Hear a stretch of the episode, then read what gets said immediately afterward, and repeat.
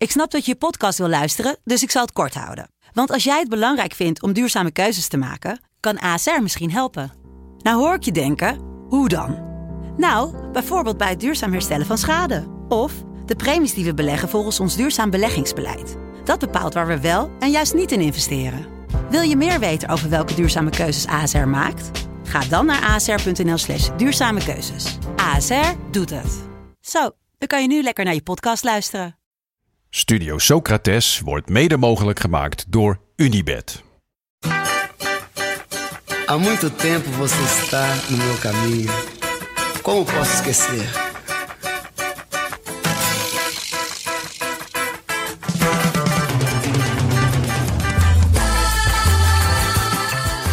Welkom bij Studio Socrates, een podcast over alles wat voetbal mooi maakt. Beleza é você, menina. Menina, no seu jeito de olhar.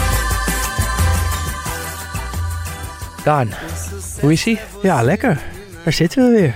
Zit vrijdagsnack. Ja, een, kleine, een klein element over de speler die, waar we het volgende week over gaan hebben. Ja, Ehm, afgelopen week natuurlijk met Wietse gezeten en het over zijn grote held Veron gehad. voor het eerst een gast. Ja, hij had het veel over eh, doelnetten. Heb jij nog mooie doelnetten gezien? Eh, het is, Of heb je er nog over nagedacht? Ik heb er wel over nagedacht, maar ik, heb het, ik ben toen ik eh, voetbal ging kijken, ben ik het denk ik vergeten. Ik heb er niet op gelet. Jij? Nee. Nou, ik, ik was even kort bij, op, de, op de toekomst van de week. En- de jeugdcomplex van Ajax. Ja, voor werk. En toen heb ik wel even heel bewust naar de netten gekeken. En je zag wel verschillen tussen de netten op dat soort van hoofdveld van de toekomst en op die bijvelden. Eh, het was inderdaad zo'n net met, met zo'n strook rood net in het midden en dan wit aan de buitenkant. Maar waren, waren best wel mooie goals. Ja, goede doelnetten. Wietse had ze mooi gevonden. Ja, Ehm, en dit weekend, paasweekend, lekker lang vrij. Voor jou denk ik, voor mij wat minder. Heb je plannen? nou voor mij gaat eigenlijk ook gewoon eh, de, de- ja, de uitzending gewoon door. Dus ik had gehoopt, ik zag dat paasweekend eraan komen. Ik dacht lekker, eh, lang weekend. Maar dat, nee, dat is voor mij eh, helaas niet zo. Ja, voor jou natuurlijk ook niet. Nee, want Dit was- zijn de momenten dat het voor jou juist eh, echt telt met, met die kroeg, denk ik. precies, de druif is open. Dit weekend wordt mooi weer. We hebben terras, dus we hopen op Een volle bak. Ja. Het ligt lekker in de zon. S ochtends vast een kopje koffie, krantje, broodje. Ga je denk je koffie schenken uit de voetbalboeddha Mokka? Oeh, moeten er eigenlijk natuurlijk wel een paar hebben Toch? in Een het paar druif in voor het de liefhebber. En dan voor, voor de speciale gast? misschien met een codewoord mag je dan uit de, uit de voetbalmok drinken. Ja, als je een vaste stamgast aan het worden bent, dan heb je je eigen voetbalmok. Ik vind het eigenlijk best wel een goed idee. ik vind het ook wel een goed idee. Eh, gaan we doen. Ja, Daarover gesproken, over de mokken. Ze zijn, als het goed is, verstuurd. Misschien als je een betaallinkje hebt betaald, heb je hem al op dit moment, als ja je dit zou luistert. kunnen. Of hij is onderweg. Houd even in de gaten, ze zouden nu jouw kant op moeten komen. Ja, en als, eh, ja, als we van, van jullie luisteraars een paar positieve berichten erover krijgen, dat jullie ze ook daadwerkelijk echt ontvangen hebben, dan gaan we rustig even kijken wie, eh, ja, wie, wie er nog een mok wilt, hoeveel we er moeten bijbestellen. En dan, eh, nou, ergens de komende week of de week daarna gaan we dan eh, opnieuw wat mokken verkopen met, eh, met de voetbalboeddha erop.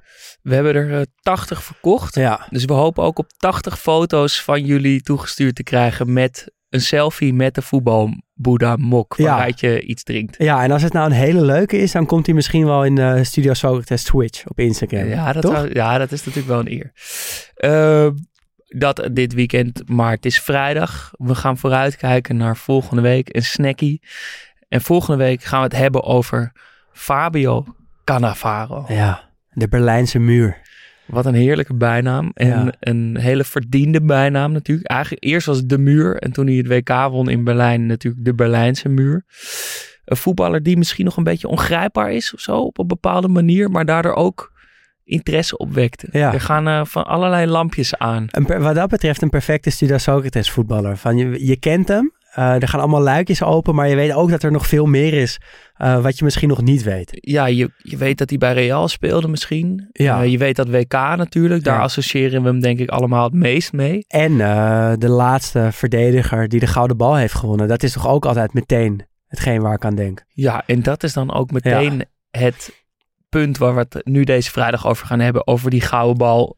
Over de geschiedenis. Over wat voor een raar iets het eigenlijk is. Ja, ik moet altijd als eerste denken aan, eh, aan die foto's van, ik zie het nu ook achter jou, foto's van voetballers met die bal.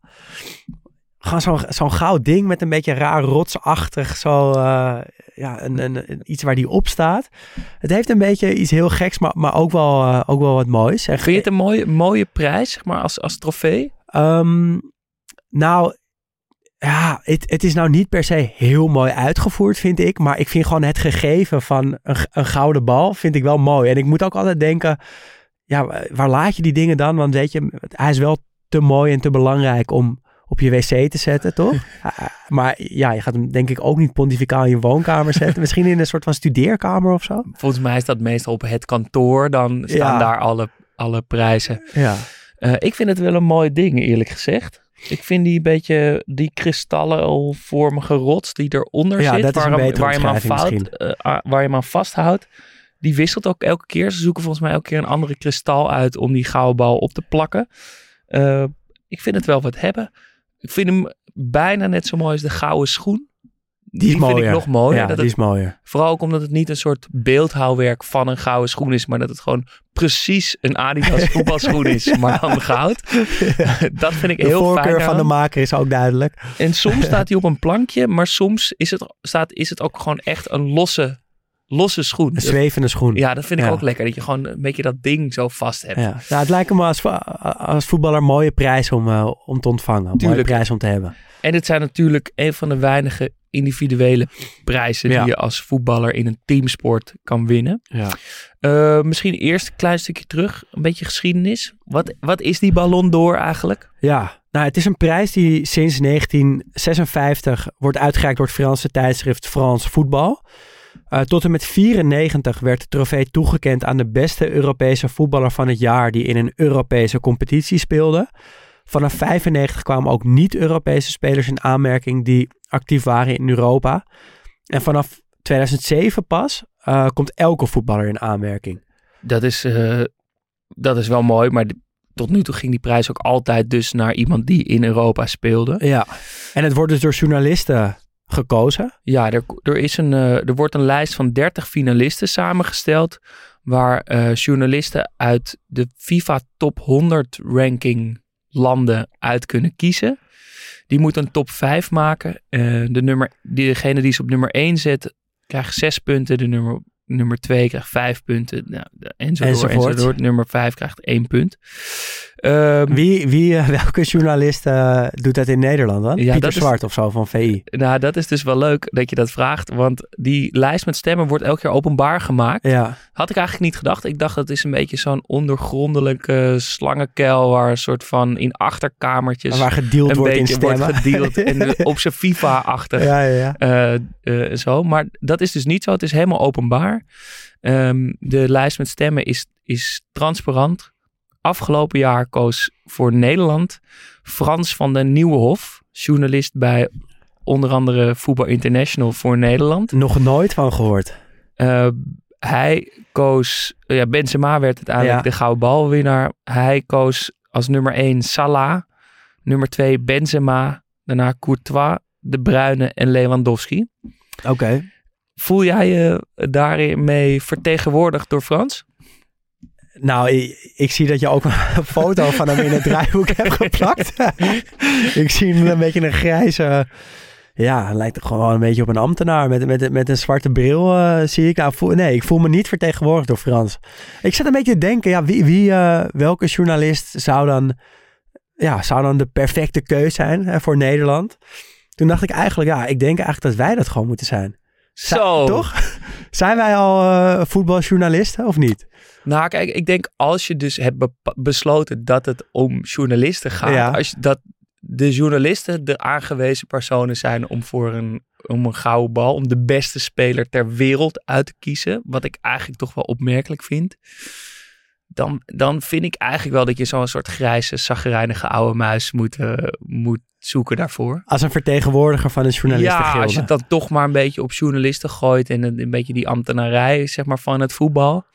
ja, vind ik het prima dat Frans dat doet. Oké, nou dan krijg je... Salah nummer 1, weet ik niet. Maar Benzema op 2 Ja. ver- verdiend.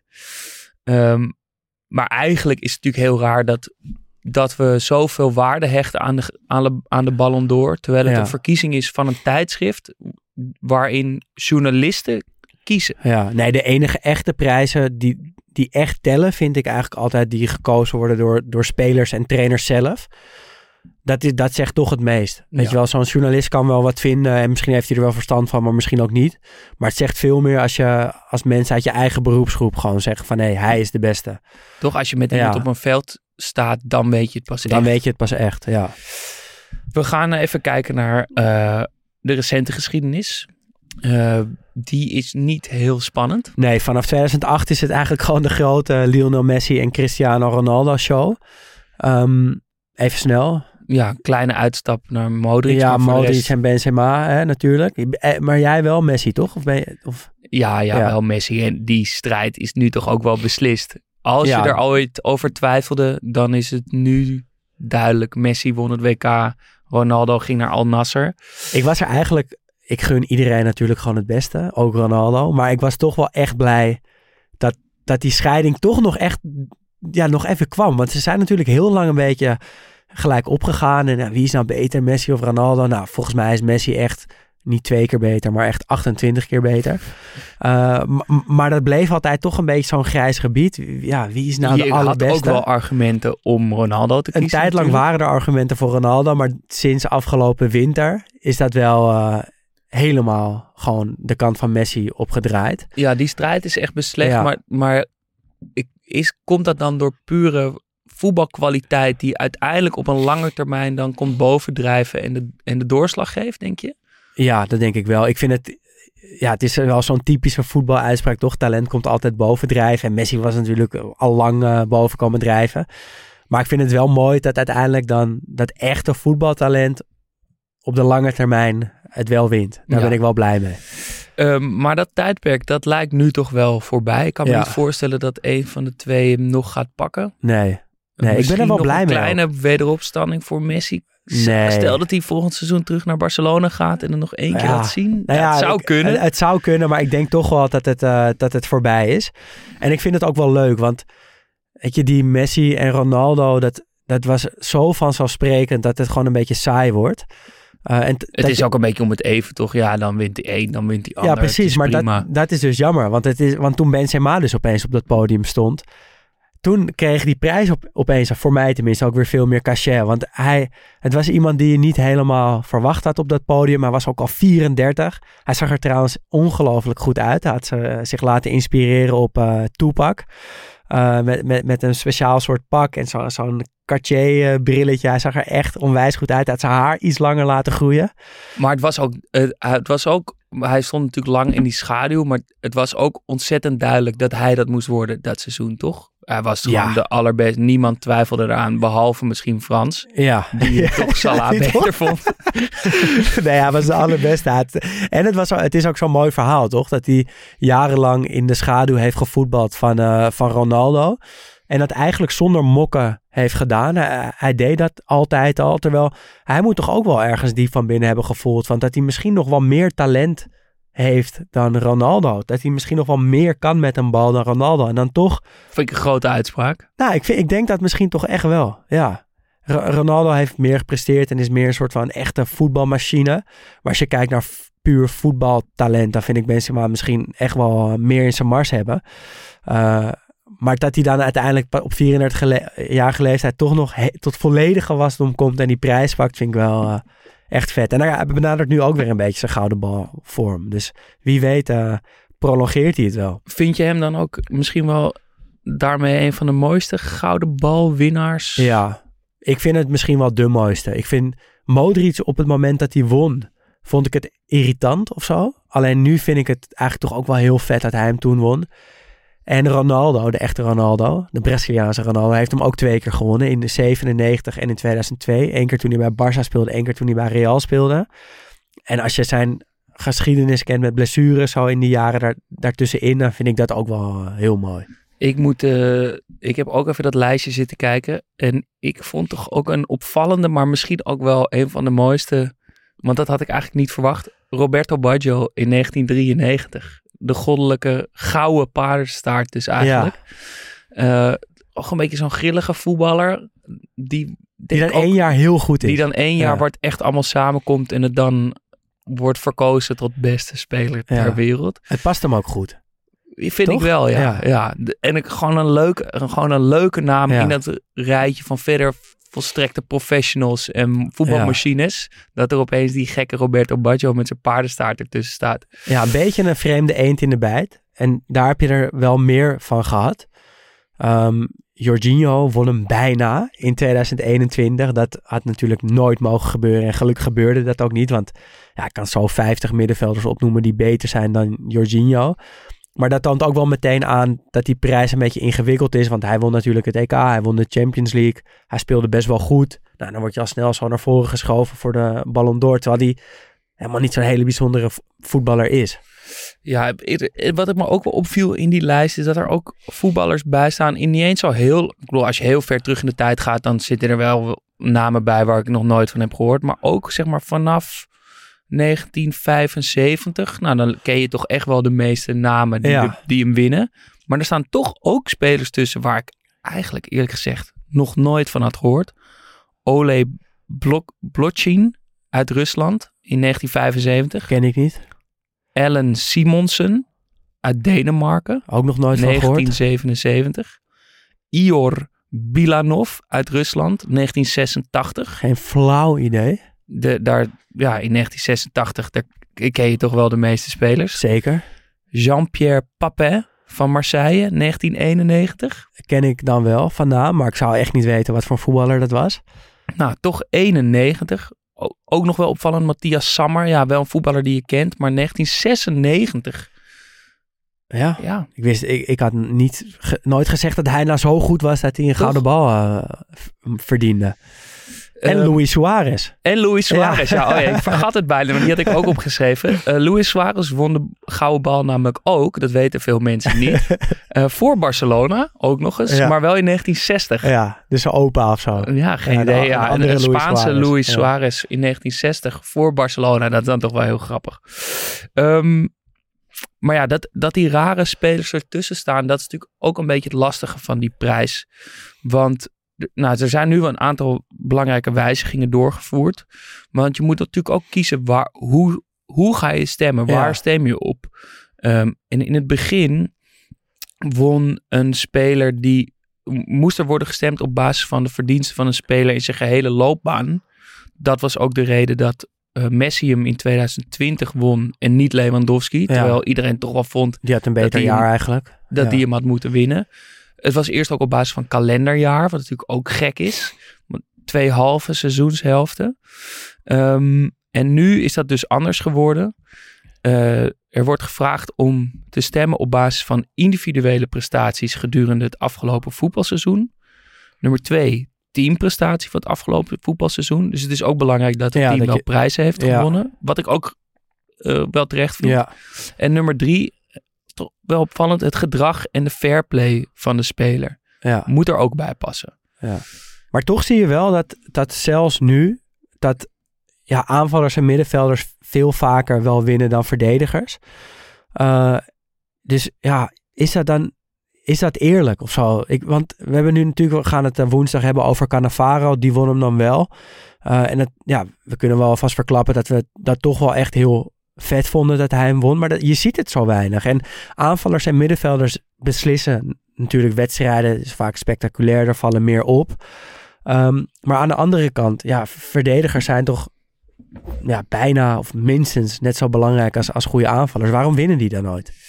Ja, ik denk toch dat het een beetje is als, als de leadzanger van een band. Die altijd de interviews doet en de prijs in ontvangst neemt. Ja, Iedereen kent zijn naam, niemand kent de naam van de drummer. Precies, het verschil moet er gewoon zijn. Het is misschien ook een ander type mens. Toch? Je wordt misschien ook wel verdediger omdat je minder die spotlights nodig hebt. Misschien zijn ehm, alle verdedigers eigenlijk wel oké mee, toch? Dat, ja, dat kan me wel voorstellen. Uh, ik vind het natuurlijk heel goed dat, dat Cannavaro hem dat jaar won in 2006 vind ik ook heel erg terecht. Want hij, hij maakt ook echt het verschil voor Ja. mijn gevoel. Ehm, dus natuurlijk moet er af en toe een verdediger aanspraak op maken. Maar ik vind het op zich logisch dat Ja. de aanvallers het meestal winnen. Ik vind het wel ook terecht trouwens dat er een aparte prijs, de Lev Yashin Award, is voor keepers. Ja, Eh, want dat is toch wel echt een vak apart. En anders kom je er denk ik helemaal niet tussen. Nooit was er een keer sprake van dat hij misschien... Courtois had, Cour- had gehoopt op meer afgelopen Ja, die werd jaar. zevende. Die was ja, hij ging toen heel erg zeiken. Ehm, snap ik ook wel. En misschien is dat ook wel een gevaar dat die, nu die Lev Yashin Award er is. Dat keepers helemaal nooit meer in, in Nee. aanmerking gaan komen voor die goudbal. Omdat je dan toch denkt, nou, die, die hebben Geef hun, die hun uh, prijsje al. Ja, precies. Dan moet je wel echt heel goed is. Heel goed zijn. Maar ja, ik, ik denk ook niet dat Courtois hem ooit had moeten winnen. Maar Zeker niet. misschien net iets hoger dan Ja. zevende hadden we hem wel ge- gegund. Eh, Frans- Nederlanders die de, die, die, eh, die de prijs hebben gewonnen. Frans had hem trouwens op eh, drie staan, hè? Ja. Courtois. Dus Ja, op zich, ja. van de buren moet je het, eh, moet je het hebben. Eh, sorry, wat zei je? Ja, Nederlanders die de prijs hebben gewonnen. Ja, toch wel leuk. Ja, Cruijff twee keer in 73 en 74. Gullit in 87. En Van Basten drie keer in 88, 89 en 92. Eh, en jij vertelde volgens mij bij, eh, bij de Rijkaard aflevering... dat er een keer een volledig Nederlands podium is geweest, toch? Ja, klopt. Gullit. Ja. Ja. ja, een Nederlands podium en ook nog eens een AC Milan Ja, podium. ja heel Met z'n bijzonder. drieën die allemaal elkaar een beetje de stuivertje wisselden. Zijn er nu Nederlanders die, die kans maken, denk je, op, op de gouden bal? De komende jaren? Nou, Frenkie de Jong misschien? ja, het is- zou of Van Dijk of Frenkie moeten zijn. Maar allebei maken ze op dit moment niet echt aanspraak Nee. op die titel. Nee, Van Dijk had hem natuurlijk moeten pakken in 2019. Toen werd hij tweede achter Messi met volgens mij 7, 8 punten verschil. Dat scheelde echt niks. Toen had hij ook echt een weergeloos seizoen. Ja, en hij is wel echt objectief gezien wat minder goed geworden. En Frenkie die, die werd elfde in 2019. En ik zie hem toch eerlijk gezegd ook niet heel veel hoger eindigen. Ondanks dat ik groot fan eh, van hem ben. Eh, maar er zijn ook wel verhalen van spelers die hem nooit hebben gewonnen. Maar die hem wel echt hadden moeten winnen. Ja, je Ehm, schiet natuurlijk... Zo, kijk, dus je bent natuurlijk nooit volledig. Je Nee. schiet altijd tekort met zo'n prijs. Maar er staan toch wel een opvallende ja, eh, Ja. namen tussen. Ja, ik was bijvoorbeeld wel verbaasd dat Thierry Henry hem nooit had gewonnen.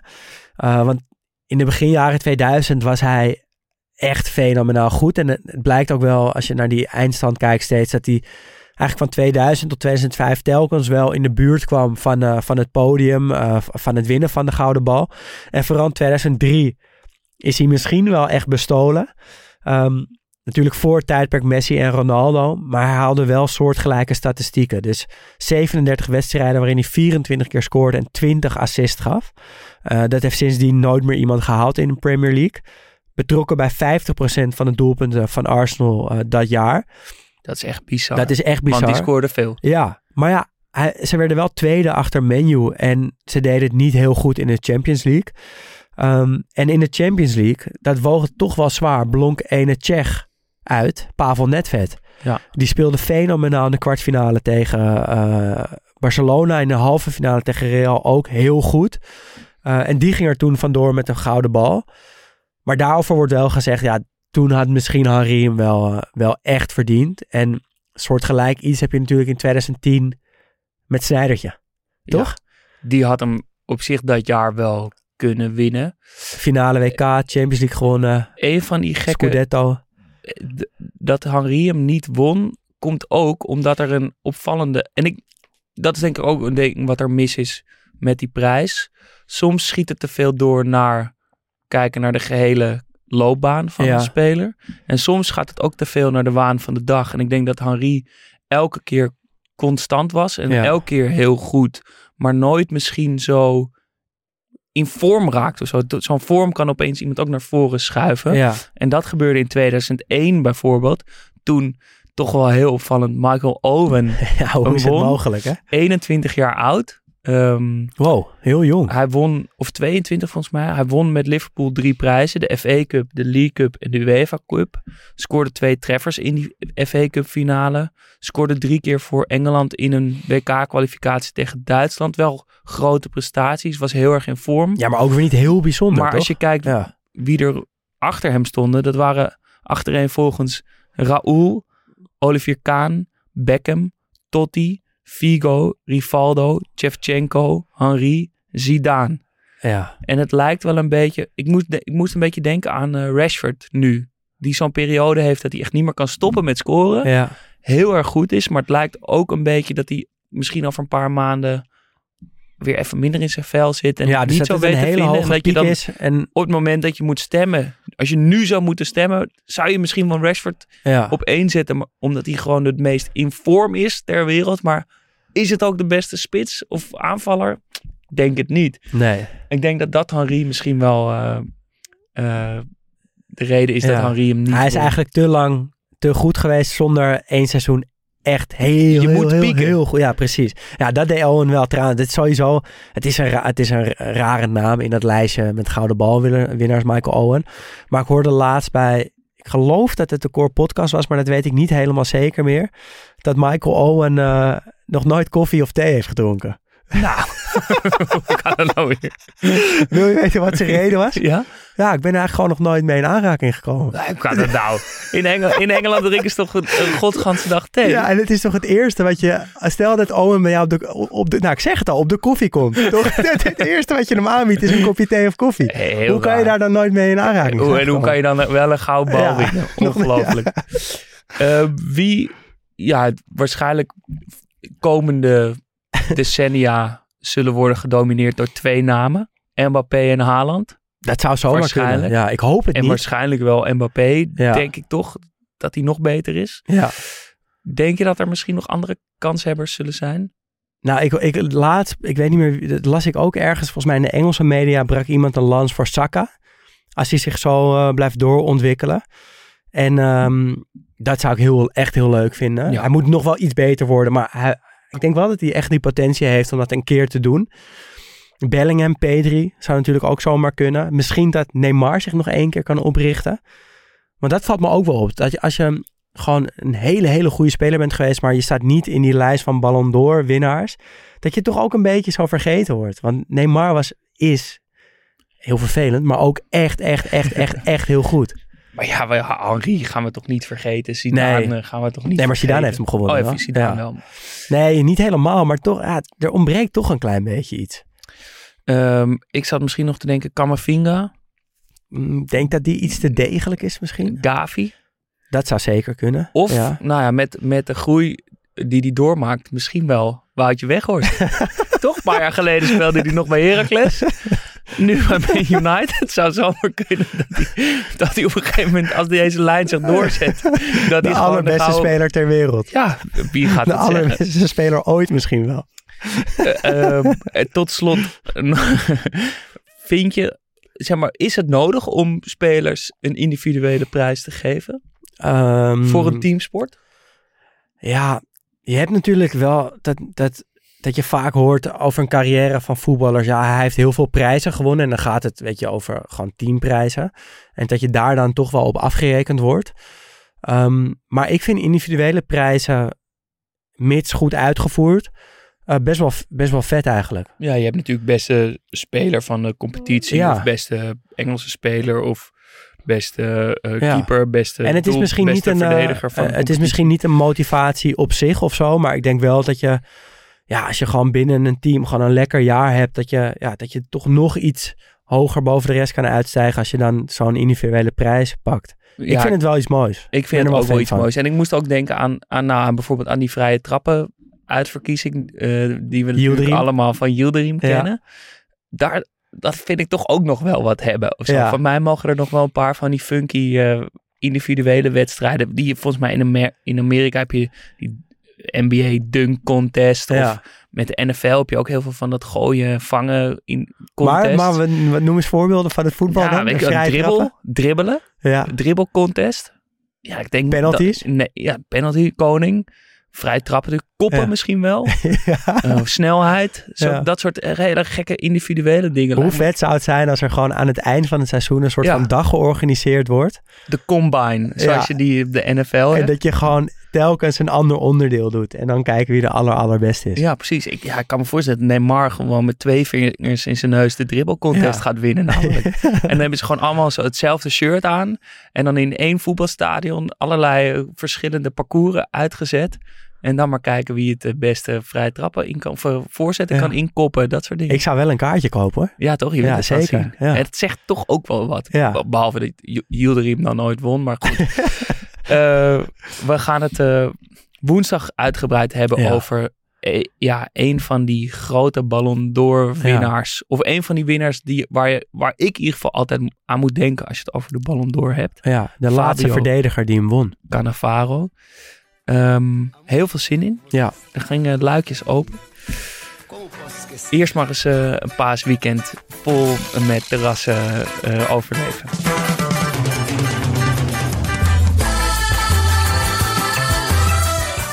Studio Socrates wordt mede mogelijk gemaakt door FC Afkikken. Wil je meepraten? Dat kan. Laat een bericht achter op vriendvandeshow.nl slash Studio Socrates of via Instagram studio-socrates. Mailen kan trouwens ook.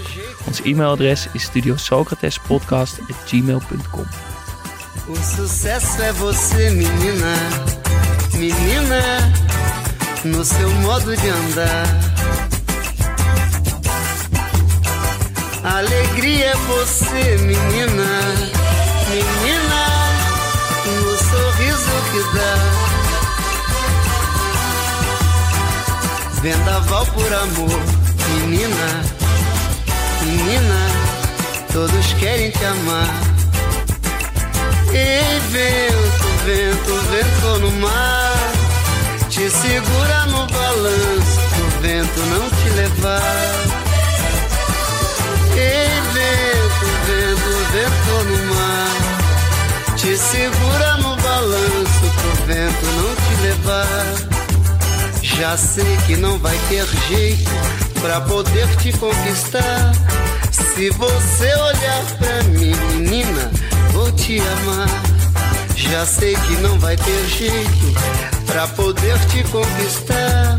Se você olhar pra mim, menina, vou te ganhar.